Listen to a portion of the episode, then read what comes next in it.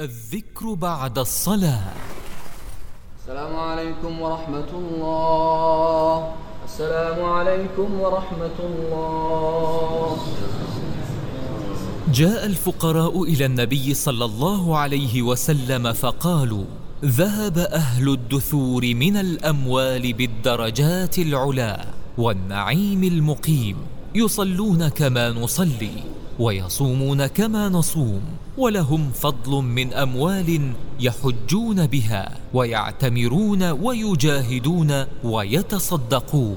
قال أفلا أدلكم على أمر إن أخذتم به أدركتم من سبقكم ولم يدرككم أحد بعدكم. وكنتم خير من أنتم بين ظهرانيه إلا من عمل مثله. تسبحون وتحمدون وتكبرون خلف كل صلاة ثلاثا وثلاثين. أخرجه البخاري. سبحان الله والحمد لله والله أكبر.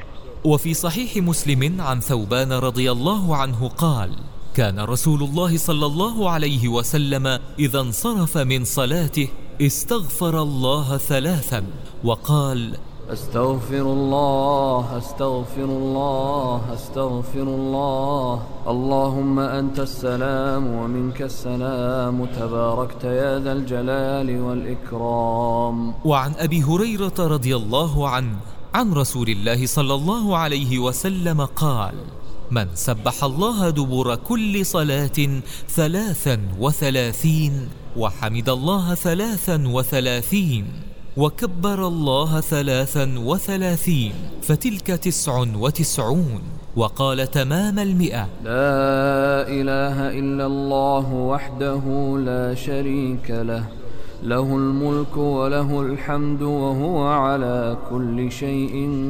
قدير. غفرت له خطاياه وإن كانت مثل زبد البحر أخرجه مسلم.